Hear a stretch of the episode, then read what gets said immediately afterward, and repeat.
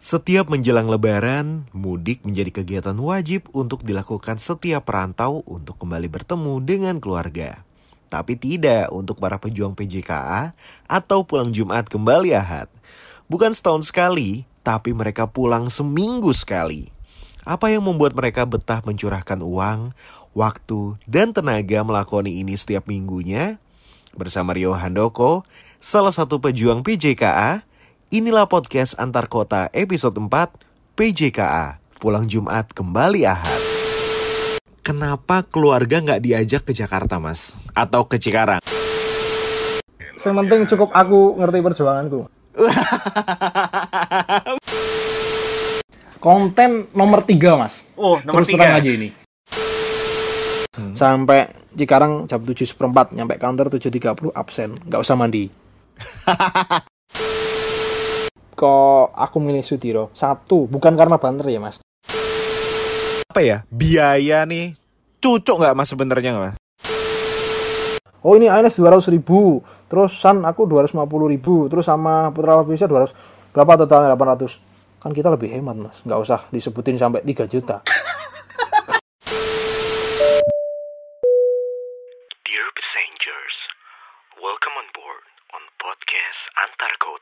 Selamat datang di podcast antar kota episode keempat. Dan kali ini menjelang Lebaran lagi banyak banget info-info tentang mudik yang uh, sudah dipastikan dilarang sama Kemenhub gitu. Tapi um, di luar mudik lebaran sebenarnya kan setiap minggunya nih pasti ada nih pejuang-pejuang PJKA pulang Jumat kembali Ahad ya.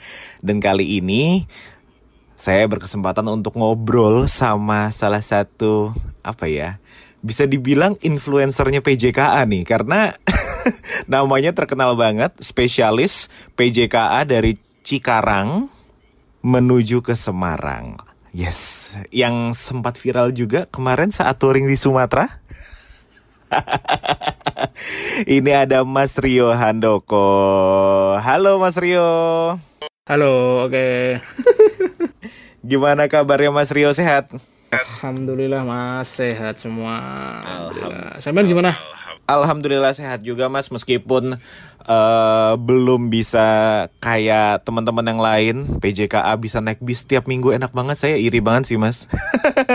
nah makanya em, bikin podcast antar kota ini juga menjadi salah satu apa ya jembatan untuk mengobati kangen saya naik bis sama juga berkenalan sama orang-orang yang legend yang saya bingung pengen ngajak ngobrolnya apa gitu ya membuka omongannya apa. Dan kali ini kita ajak ngobrol sekalian langsung di podcast biar direkam.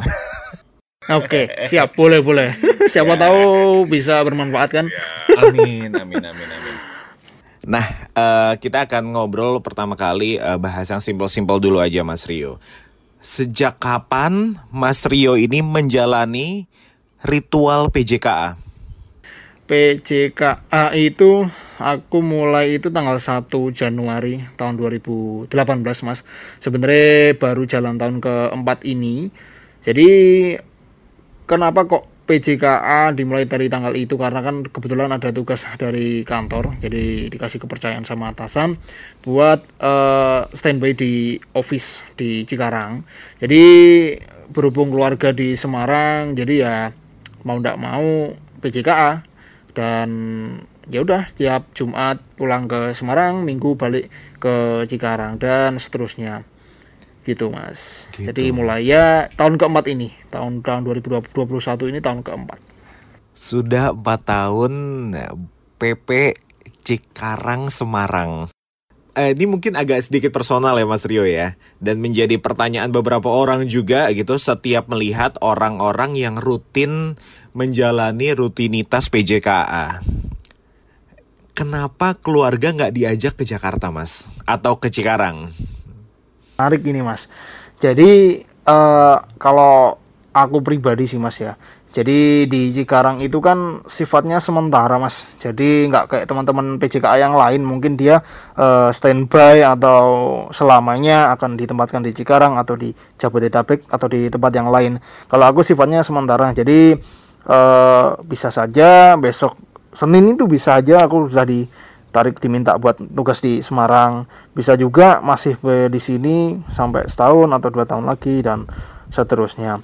Terus kenapa kok nggak ngeboyong sama istri uh, nggak ngeboyong istri sama anak tadi atau keluarga ya? Hmm. itu yang pertama menurutku pribadi mas uh, selain istri punya kesibukan di rumah ada kegiatan yang harus diurus. Jadi untuk aku bagiku. Jadi kalau hidup di Jabodetabek ini menurutku kurang sehat.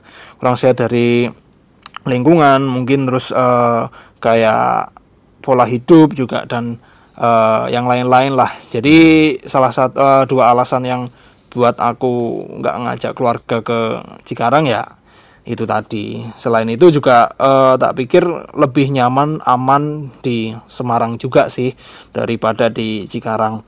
Toh juga sama-sama ditinggal kerja setiap pagi sampai sore dan mungkin sampai malam juga gitu. Jadi ya udah uh, lebih baik di Semarang uh, menjalanin kehidupan kayak biasanya aja. Cuman ya uh, konsekuensinya harus jauh dari keluarga dan harus LDR sih Oke, jadi memang intinya adalah karena belum tentu dinasnya di situ terus. Betul, satu itu belum belum tentu uh, selamanya lah istilahnya di situ. Iya, Karena betul. bisa sewaktu-waktu aku diminta uh, untuk kembali tugas di kantor Semarang dan seterusnya gitu. Dan juga uh, poin yang menarik sebenarnya adalah bahwa hidup di Jakarta nih memang atau di Cikarang gitu ya itu tidak tidak sehat hidup di Jawa Tengah atau di Jawa Timur atau di kampung gitu ya Mas ya. Uh, prinsip prinsip orang sih beda-beda ya mas cuman hmm. kita nggak bisa menarik garis lurus cuman kalau versiku uh, lebih baik lah lebih baik ya, tinggal di Semarang daripada harus ikut-ikut berjibaku di sini jadi istilahnya yang penting aman lah di rumah hmm. gitu mas istilahnya yang yang ada yang nggak kalah penting juga uh, juga istri juga punya kesibukan yang lain. Jadi uh, kayak ngurus ya adalah yang diurus. Jadi hmm. eh, nggak hmm. uh, perlu jauh-jauh lah ke Cikarang biar aku aja yang di sini. Ya. toh juga bisa ngebis tiap minggu. Sementing cukup aku ngerti perjuanganku. Bener bener bener bener. Los pokoknya ya los uh, itu tadi udah ngebahas tentang personalnya sedikit gitu ya tentang alasan kenapa uh, menjalani rutinitas PJKA dan kalau misalnya mau dihitung dalam sebulan aja bisa ada sekitar 8 sampai 10 trip ya kan? Itu uh, eh, 8 kali sampai 10 trip itu PP ya uh, Cikarang Semarang atau Semarang Cikarang gitu itu setiap bulan harus melakoni 8 sampai 10 trip Nah, itu kan pasti ada banyak pertimbangan untuk milih PO untuk yang dipakai sama Mas Rio untuk uh, perjalanan gitu PJKA. Nah, kalau kriteria atau poin pertimbangan Mas Rio sendiri saat memilih PO untuk trip PJKA apa aja nih Mas? Uh, pertimbangan untuk memilih PO atau memilih moda transportasi ya lebih tepatnya ya. Jadi hmm. kalau aku itu sak pingin nih mas. Jadi nggak ada nih, nggak ada kriteria harus naik bis yang banter misalnya. Nggak harus naik bis yang istilahnya paling mahal atau nyari yang paling irit nggak. Jadi uh, sak sak metu nih, sak sekeluarnya di pikiran itu apa misal nih aku lagi lagi di kantor lagi lagi di rumah uh, lagi kepikiran oh besok pengen naik Mujijaya nih ya udah saat itu juga uh, aku kontak nomor-nomor agen yang udah aku punya misalnya Mujijaya aku langsung kontak Mujijaya pun juga Haryanto misalnya oh pengen naik uh, Haryanto nih. Ya udah kontak uh, Muji uh, kontak agennya Haryanto. Jadi ke secara spesifik kriteria-kriteria sih nggak ada. Cuman nanti disesuaikan mas sama kebutuhan tiap minggunya. Misal nih uh, hari Sabtu Minggu biasanya aku padat. Kalau aku padat biasanya aku mundur pulangnya, ikut yang angkatan malam. Uh, terus kalau semisal lagi slow, enggak enggak terlalu ini ya ikut yang angkatan reguler, katakanlah yang Haryanto yang jam 7, yang setengah 8 dari Semarang berangkat itu biasanya gitu. Atau kalau lagi ah ya udah udah mentok nih nggak ada pilihan bis lain atau pengen mundur-mundur aku bisa juga pakai kereta bisa juga nanti menyesuaikan lagi kalau misal urgensi banget baru pakai pesawat atau moda transportasi yang lain. Bisa juga bawa mobil. Jadi nggak nggak cuman tentang bis aja uh, selok PJKA selama aku empat tahun ini. Jadi muter mas. Tapi lebih mungkin 90% ke atas lah. Aku pakainya bis untuk kriterianya itu tadi. Oke, Kak. Dan juga uh, sebenarnya nggak ada pertimbangan atau poin-poin itu karena ya saking banyaknya kesempatan untuk melakukan trip gitu ya nggak sih mas? bisa bilang gitu mas, bisa dibilang begitu. iya iya. Jadi ya uh, let it flow aja. Jadi um, oh misalnya pengen kasih ya ikut yang angkatan kasih. Uh, kalau misal pengen yang angkatan malam ya yang angkatan malam juga tetap ada pertimbangannya sih mas. Cuman hmm. uh, nggak terlalu spesifik. Misalnya oh agak-agak lagi agak banyak nih pengeluarannya nih. Uh, nyoba naik yang VIP aja lah yang 160 ribu atau yang 150 ribu bahkan patas.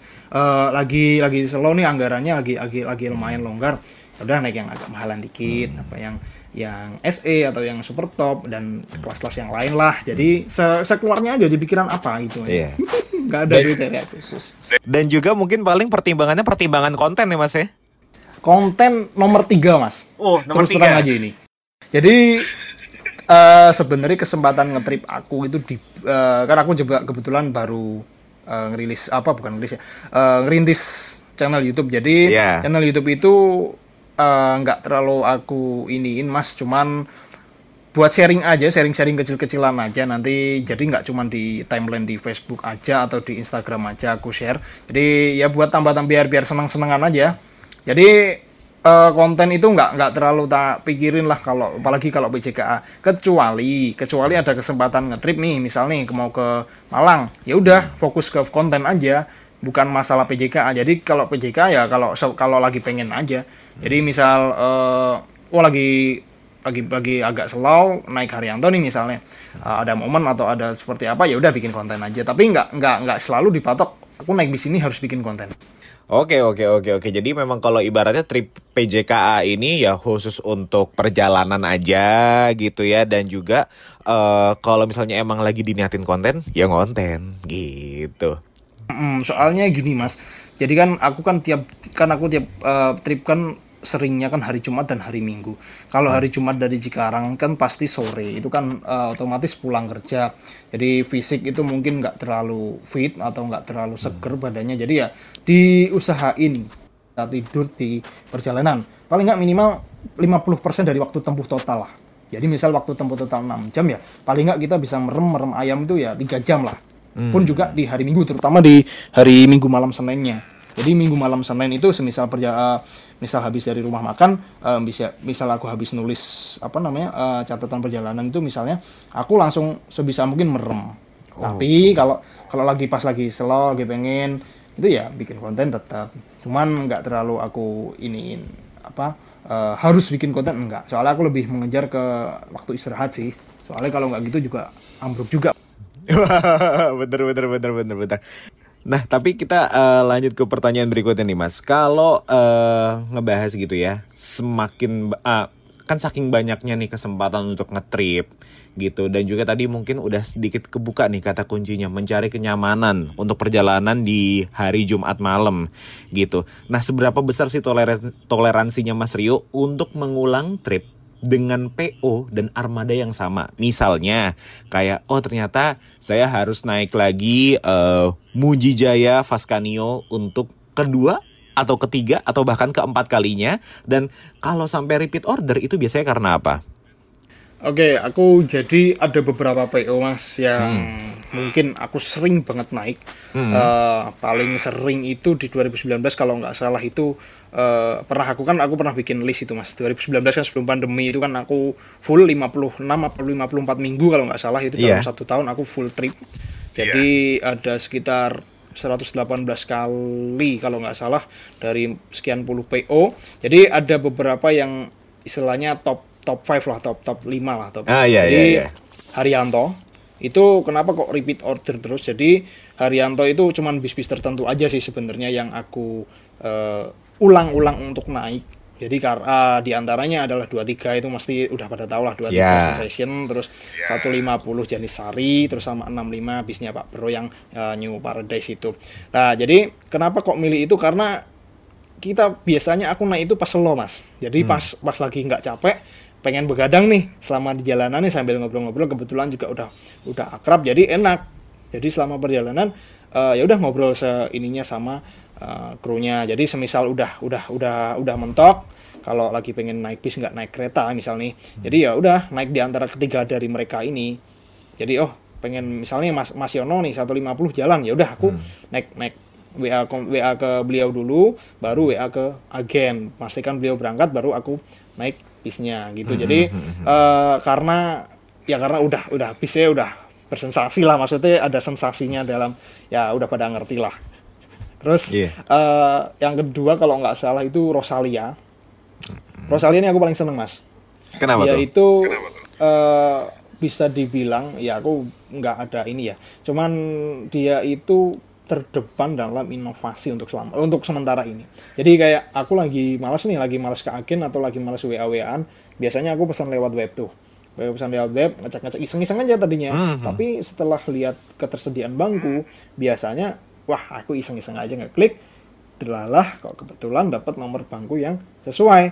Ya udah kita bayar aja ke Indomaret. Dan itu kan simpel banget tuh. Betul. Dan selain itu juga teman-teman udah pasti udah pada tahu lah yang udah pernah naik Rusa Indah juga Rusa Indah uh, pelayanannya seperti apa aku udah alhamdulillah udah dikasih kesempatan nyobain dari kelas patas yang seratus tiga puluh lima ribu, seratus lima puluh ribu itu sampai alhamdulillah barusan kemarin nyoba yang first class itu yang hampir empat ratus ribu tiketnya atau mungkin sekarang empat ratus ribu. Iya. Yeah. Jadi dari se dari itu aku bisa narik kesimpulan bahwa uh, ih ini nih patut nih untuk di repeat order atau ini cocok nih buat diulang-ulang se kesekian kesekian kesekian kalinya. Bahkan sampai detik ini pun aku belum ada kayak bosen atau kayak oh jenuh naik Rosalia. Mungkin kalau kalau uh, aku orang awam mungkin juga pasti akan milih Rosalia.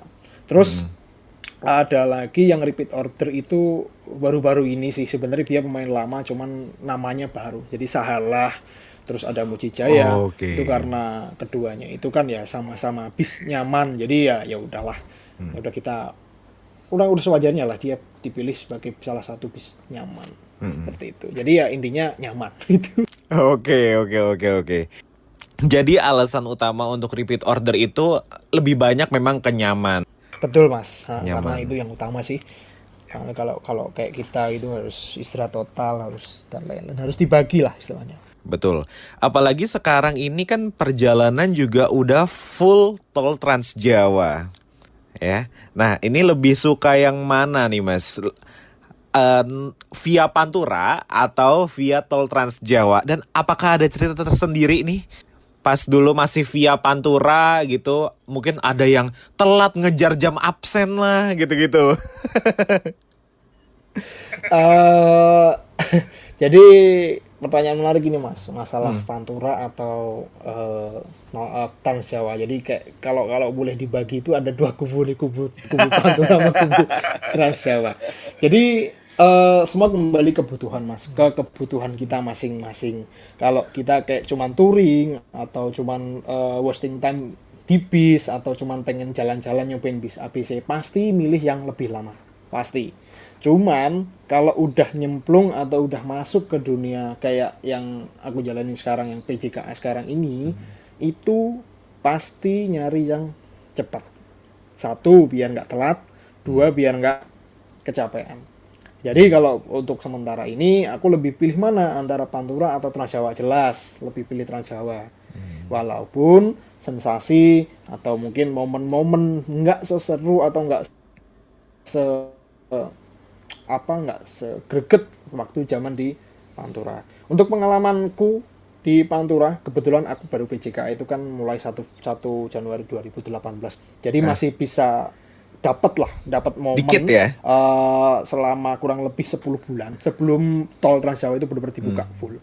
jadi momen eh, momen-momen yang bisa aku ingat itu paling ya keterlambatan armada cuman aku kalau malam Senin harus diperhitungkan banget sih waktu itu kalau nggak salah hmm. baru-barunya Sudiro jadi coba naik terus tuh tiap malam Senin naik hmm. Sudiro zamannya masih Lasamba masih uh, Evolution mungkin Mas Irfan drivernya dan lain-lain hmm. terus diseling sama Haryanto jadi aku kalau malam Senin uh, seingatku ya mas seingatku belum pernah terlambat untuk hmm. terlambat banget tuh belum pernah jadi karena hitungan armada itu tadi karena harus sampai Cikarang sebelum subuh lah jika sampai sekarang hmm. sebelum terang lah dan lain-lain Cuman kalau pengalaman dari barat ada tuh. Hmm. Jadi waktu itu kalau nggak salah macet karena apa ya? Jadi bis yang seharusnya berangkat jam 3 sore baru berangkat jam 9 malam. Itu ada bis tingkat gambarnya kuda waktu itu. Cuman Oh, ya, aduh. eh, ya wis nggak masalah lah. Toh ya perjalanan wah gila sih lama banget waktu zaman Pantura itu. Tapi sebelum aku PJKA 2018 itu Mas, aku kan kebetulan papaku almarhum itu kan juga di Bekasi. Jadi aku juga udah sering eh, riwa-riwi sebelum aku PJKA. Kebetulan Oke. ditambah aku PKL di daerah Tangerang di Cipondoh. Jadi sempat naik tuh yang namanya Santika yang Mcla- eh, yang McLaren kalau nggak salah yang oranye itu Setra itu. Oh, yang iya. Roadster itu terus eh, Ducati baru-barunya yang Setra hijau itu. Nah, itu masih sempat menangi terus zamannya HR39 Red Bus merah Jet Bus kalau nggak salah itu rombakan dari Marco itu pernah. Jadi eh, itu momen-momen touring jadi ya yang nggak ada yang nggak ada nggak ada yang tak ini yang inget-inget banget nggak ada. Cuman kalau selama PJK alhamdulillah belum pernah nih sampai terlambat. Justru malah zaman Transa pernah terlambat. Loh, Iya, 2020 banjir di Cibitung kalau nggak salah. Aku naik suite kelasnya Santika. Itu kena macet itu di Cibitung berangkat dari Kalibanteng jam 10 malam sampai eh, Cikarang jam 9 pagi. Nah, itu pernah sekali.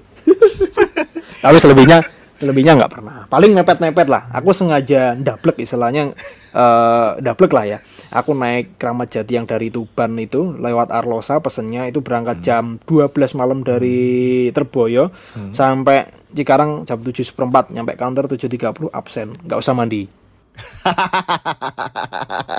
Los ya. Eh, tapi kalau eh, mengingat-ingat emang dulu eh, Sudiro awal-awal itu spesialis pokoknya anti anti telat lah untuk Liga Malam Senin ya Mas ya. eh ya tapi tergantung yang menyikapinya mas Hmm, Menarik Iya ya. iya. Jadi tambahan obrolan ini. Jadi eh, kenapa kok kok aku milih Sudiro? Satu, bukan karena banter ya mas, karena dia jam berangkatnya lebih awal dari Murian. Dia waktu itu kalau nggak salah berangkatnya masih setengah tujuh dari Krapia. Betul. Tapi setelah aku naik beberapa kali, beberapa kali, beberapa kali, eh waktu itu kan armadanya belum banyak nih, kita harus bisa memaklumi lah ya. Iya. Jadi datangnya bareng mas sama yang Murian yang lain yang belakang. Oke. Nah, sedangkan kalau kayak aku kan waktu sejam dua jam buat keluarga kan sangat berharga nih. Jadi akhirnya aku selingin naik yang lain biar eh, bisa ngerasain PO yang lain lah gitu. Betul. Oke, tadi top 3 eh, PO bis dari Mas Rio juga udah disebutin. Ada Haryanto, ada Rosalia Indah, dan juga ada eh, pemain-pemain muria lah ya. Seperti Sahala, Santika, dan juga Mujijaya. Nah, kalau pengalaman paling buruk nih Mas, ada nggak selain tadi telat sampai jam 9 pagi gitu ataupun mungkin kursinya diambil sama orang lain gitu. Ada nggak nih mas? Kalau buruk alhamdulillah Mas, alhamdulillah banget selama hampir 4 tahun ini seingatku ya, seingatku sih belum ada. Cuman paling ya PT aja kalau pas naik bis kebetulan dapat yang kan aku biasanya random nih Mas. Kadang dapat yang nyeser-nyeser lama kelamaan. Jadi waktu yang harusnya cuma 6 jam 7 jam jadi 9 jam jadi 10 jam. Jadi tapi it's okay lah nggak masalah. Paling ya kecil-kecil kayak gitu aja. Karena aku termasuk yang selektif banget. Jadi eh, sampai mogok di jalan itu alhamdulillah belum pernah. Apalagi ya amit-amit sampai ada insiden di jalan ya eh, jangan sampai lah jadi Alhamdulillah. ya udah paling ya nggak ada sih yang sampai eh, teringat yang yang banget paling nggak ada paling hal-hal kecil kayak eh, nomor kursi digeser itu hal-hal lumrah lah yang yang kita yang biasa kita temui di eh, di mana pun lah barusan kemarin juga gitu kok Naik yang mana nih mas? Aduh, oke. Tapi eh, untungnya alhamdulillah sampai sekarang dan semoga seterusnya zero accident ya mas ya. Alhamdulillah mudah-mudahan ya kita selalu berdoa sebelum eh, berangkat. Terus jangan jangan lupa mas eh, minta doa restu satu orang tua ya. Terus yang kedua juga kalau udah punya keluarga atau istri atau suami kita minta restu sama sama mereka. Nah, jadi itu dia. insya Allah langkah kita uh, selalu dalam lindungan Allah lewat doa-doa dari mereka. Itu nah. itulah itulah kunci kenapa kok beberapa uh, teman-teman PJK itu kok bisa kuat kok bisa uh, masih semangat sampai detik ini juga karena mereka itulah nah. Yang pasti uh, ngabarin ya berangkat kapan, nyampe mana ngabarin. Itu itu jangan sampai kelewat gitu ya. Kalau boleh cerita sedikit nih mas, aku uh, selama selama hidup lah, selama hidup di dunia ini, jadi belum pernah nih yang namanya kayak kena calo terus sampai uh, touring sampai kehilangan duit terus sampai dan lain-lain hal-hal yang nggak ngenak-ngenakin alhamdulillah semua lancar teman kenapa karena aku waktu itu aku sebelum trip selalu minta izin sama orang tua pasti bahkan sampai kemarin yang terakhir itu mau ke Padang juga aku pasti minta izin dulu walaupun aku sekarang udah berkeluarga tapi tetap minta izin ke orang tua hmm. walaupun mereka nggak support secara materi mereka pasti support secara doa gitu Aset. Alhamdulillah semuanya lancar, nggak pernah kena calo, nggak pernah kehilangan uang, cuman lupa ambil uang cash aja ya mas ya. Oh itu mas yang bikin viral mas. Aduh. Tapi mas. Ini salah mas, perhitungan. Mas. Pengen nanya nih, uh, kan uh, eh, PJKA juga udah sering, sering banget. Nggak, pastinya juga ada yang pakai rute estafet gitu. Itu terjauh, terlama, via mana, muter ke mana aja, berangkat kapan, nyampe kapan? Seingatku baru kemarin mas, itu kalau nggak salah bulan Februari. Jadi aku kan rute reguler kan Cikarang Semarang mas via Trans Jawa. Ya.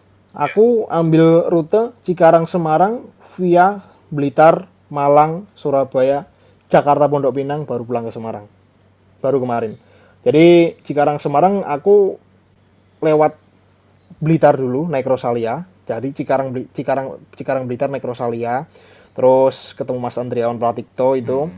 jadi terus dari Blitar ke Malang terus dari Malang ke Pond ke Surabaya lewat eh, ke Pondok Pinang lewat Surabaya naik 27 Trans baru pulang ke Semarang naik Rudor. Itu yang baru yang paling aku ingat kemarin. Jadi muter-muter dulu baru balik ke Semarang. Intinya tetap pulang ke Semarang. Itu berangkat hari apa ya?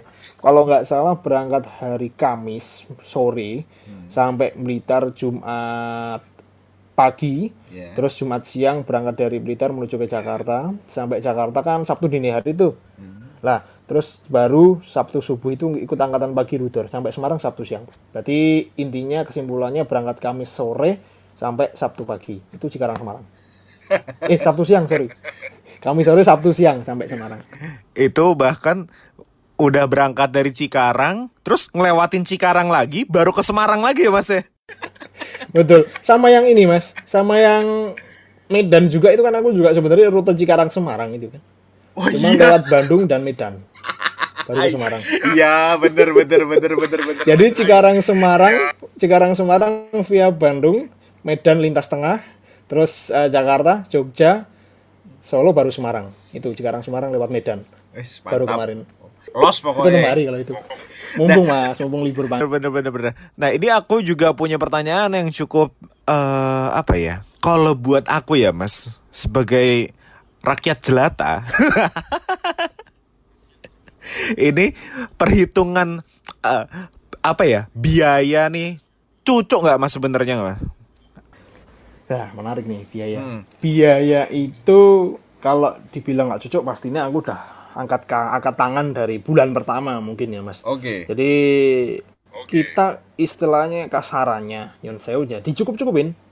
Hmm. Jadi kita punya kayak anggaran gitu tiap bulan uh, udah direncanain bukan direncanain udah di istilah duit dibuang lah duit duit disingkirin dari uang utama untuk uh, alokasi untuk PJK ini jadi katakanlah nih katakanlah sebulan ada anggaran udah ada minggu empat empat minggu ya siapin aja uh, katakanlah dua setengah sampai tiga juta biasanya.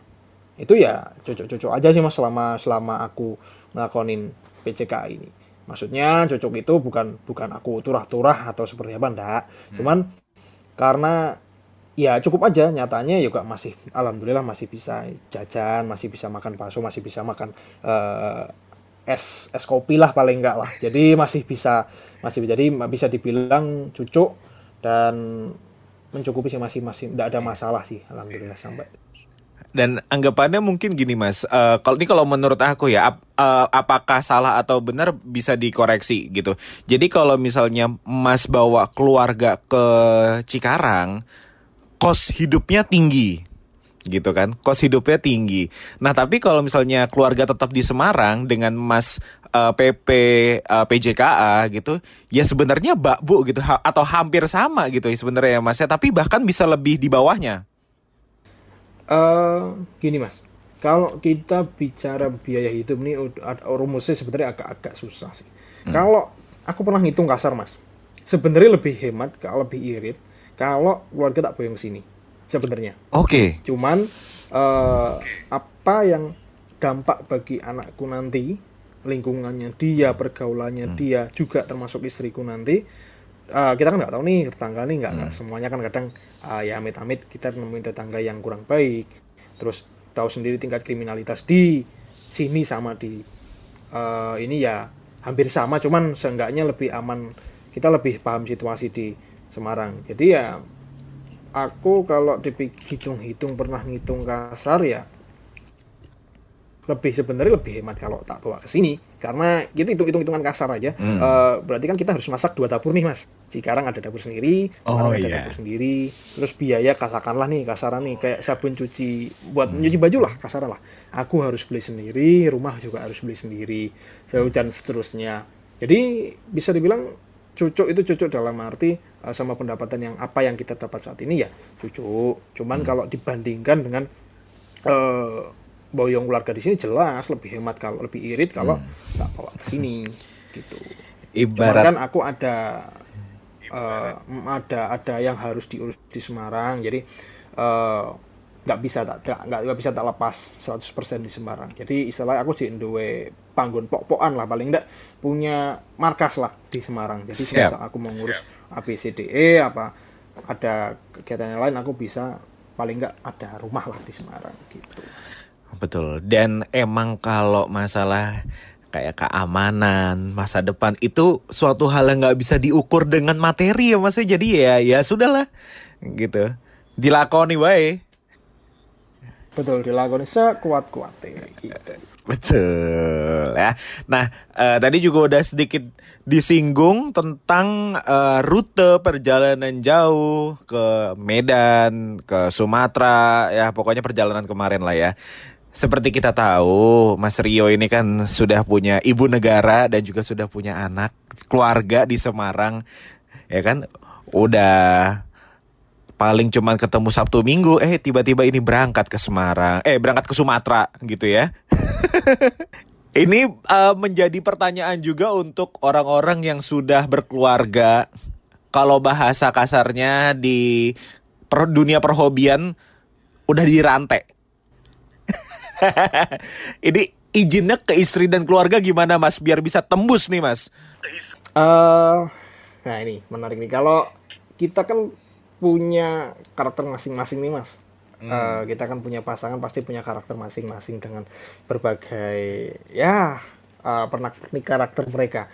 Jadi ya, kalau aku biasanya aku pelajarin mas. Jadi aku pelajarin dulu istilahnya ambil hati lah, ambil hati terutama uh, istri ya, terutama kita senang-senang dulu kita seneng-senengin dulu misal nih diajak ke ya enggak ya simpelnya diajak aja lah ke staycation atau uh, nginep di hotel mana terus nanti jalan-jalan ke mana atau setelah kita jalan-jalan nih. Misal kayak dari Medan kemarin aku dari Medan uh, nyampe di Semarang minggu malam Rabu pagi kita ke Bali. Nah itu salah satu salah satu istilahnya cara ngambil hati orang rumah untuk biar ACC gitu. Atau ya kita baik-baikin aja sebelum sebelum mengajukan izin itu. Ya aku biasanya izin itu dua bulan atau sebulan sebelum.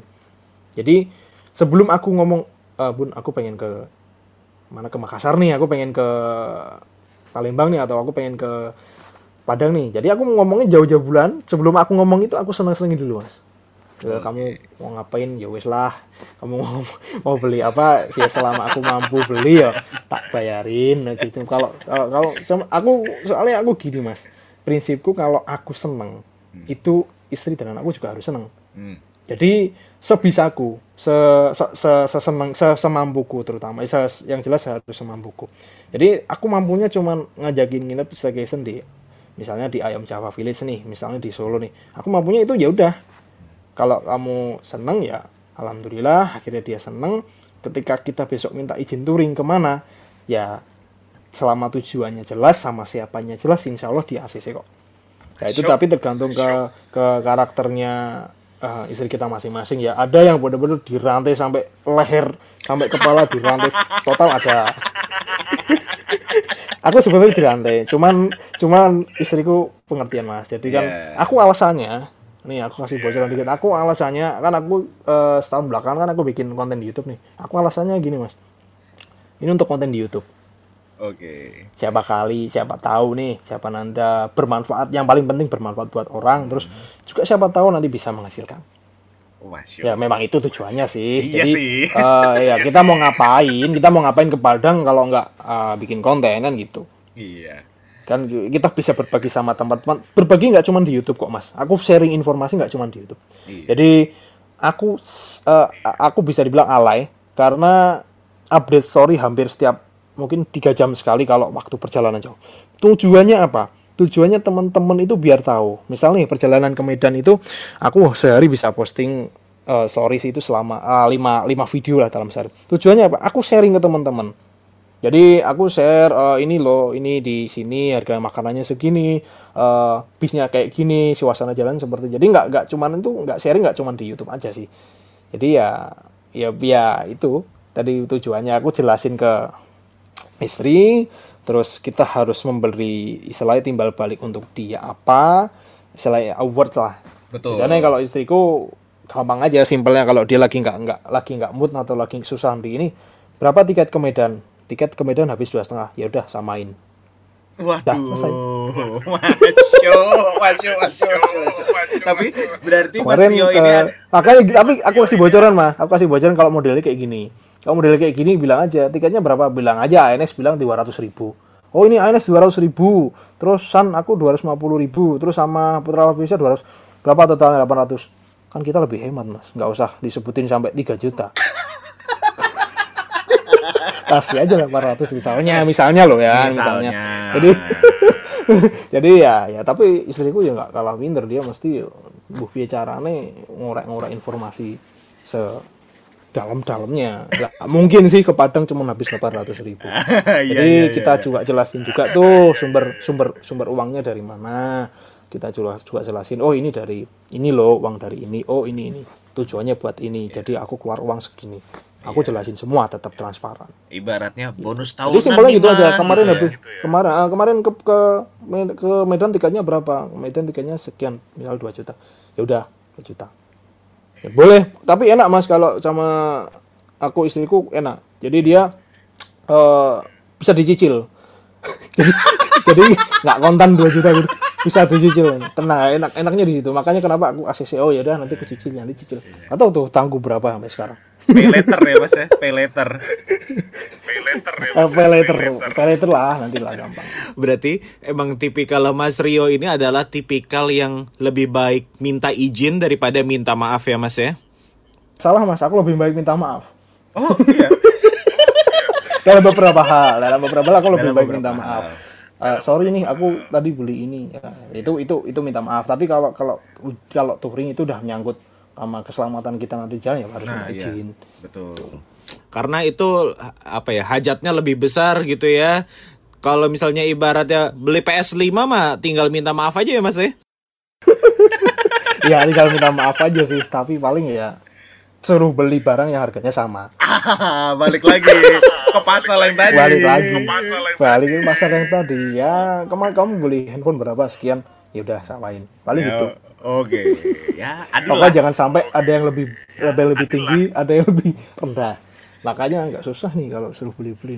Ya, Mantap lah. Ini aku sekalian belajar nih Mas karena kan belum berkeluarga. Nah, nanti kalau misalnya udah berkeluarga kan udah tahu trik-triknya. Iyalah. Jadi orang beda-beda sih triknya. Kalau aku itu tadi paling betul, gampang. betul, betul, betul, betul, betul. Nah, kita udah banyak bahas perjalanan eh, Mas Rio sebagai pejuang PJKA nih. Nah, yang terakhir untuk eh, mungkin pesan-pesan untuk para pejuang rantau dan juga para pejuang PJKA apa nih, Mas? Eh, pesen-pesen ya. Ya, yang penting sih kita tetap fokus mas, tetap fokus terhadap tujuan kita. Eh, tujuan kita keluar atau melangkahkan kaki meninggalkan rumah itu apa? Tujuannya untuk keluarga, untuk me- istilahnya kasarannya mengangkat derajat keluarga. Ya udah, fokus. Jangan sampai eh, kita nanti berubah haluan atau berubah tujuan. Jadi kita harus fokus. Eh, oh, ya udah aku mau kerja, fokus kerja ya udah aku niatin buat keluarga insya Allah berkah mudah-mudahan dan ya udah semangat yang penting semangat jangan sampai kendor dan pinter-pinter nyelamur ke hati mas. Istilahnya eh, nyelamur ke iya bahasa Indonesia ini apa ya yes, pokoknya pinter-pinter kita mengolah mood kita. Betul. jadi biar tetap semangat di kerjaan. Jadi terus juga kalau boleh pesan juga jangan kelihatan kalau kita lagi susah terhadap di depan keluarga. Nah, karena kan apalagi kalau kayak aku sendiri di rumah sendiri nih apa yang ada ada masalah di kantor apa ada masalah apa sama temen atau apa. Cukup kita aja yang tahu. Cukup aku sing ngerti perjuanganku sing neng omah ya wis. Seperti ini kita seneng aja gitu. Yang penting kita tetap semangat jaga kesehatan tuh pasti ya apalagi lagi pandemi kayak gini eh, protokol kesehatan sebisa mungkin kita jaga. Kalau bisa rajin-rajin antigen lah kalau kalau kalau lagi sempet.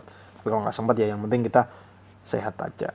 Gitu Betul aja. sekali. yang penting fokus jaga kesehatan dan tetap semangat Mantap, mantap, mantap. Jaga mood ya. Oke lah, ini mungkin belum lengkap semua cerita tentang Mas Rio gitu, tapi me- nanti kita akan bahas lagi di episode lainnya tentang cerita-cerita seru dari Mas Rio nih. Tapi terima kasih banyak untuk sudah sharing ceritanya di podcast Antar Kota episode kali ini.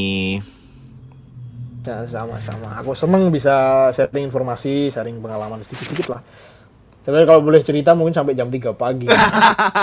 Iya bener bener bener bener. Nanti kita akan eh, cari-cari lagi topik yang menarik nih untuk kita bahas barengan sama Mas Rio dan eh Kemarin juga barusan dari Padang dari ini juga banyak cerita yang aku Nah, pengen sharing dia, ke teman-teman. Oke deh kalau begitu terima kasih banyak sekali lagi Mas Rio. Sehat selalu untuk semuanya. Amin, amin, amin. Kita selalu dilindungi Tuhan. Amin, amin, Lindungi amin, Allah, amin, pasti. Terima kasih buat eh, kamu yang pengen request bahas apa lagi nih di podcast antar kota langsung aja komen di Instagram aku di @oho.pamungkas atau bisa juga di Facebook Nugroho Tri Pamungkas. Sampai jumpa di podcast antar kota episode berikutnya. Terima kasih sudah mendengarkan podcast Antar Kota. Jangan lupa untuk share ke teman-teman kamu untuk dengerin podcast ini. Kalau misalnya masih belum seru, ya maaf, namanya juga masih usaha.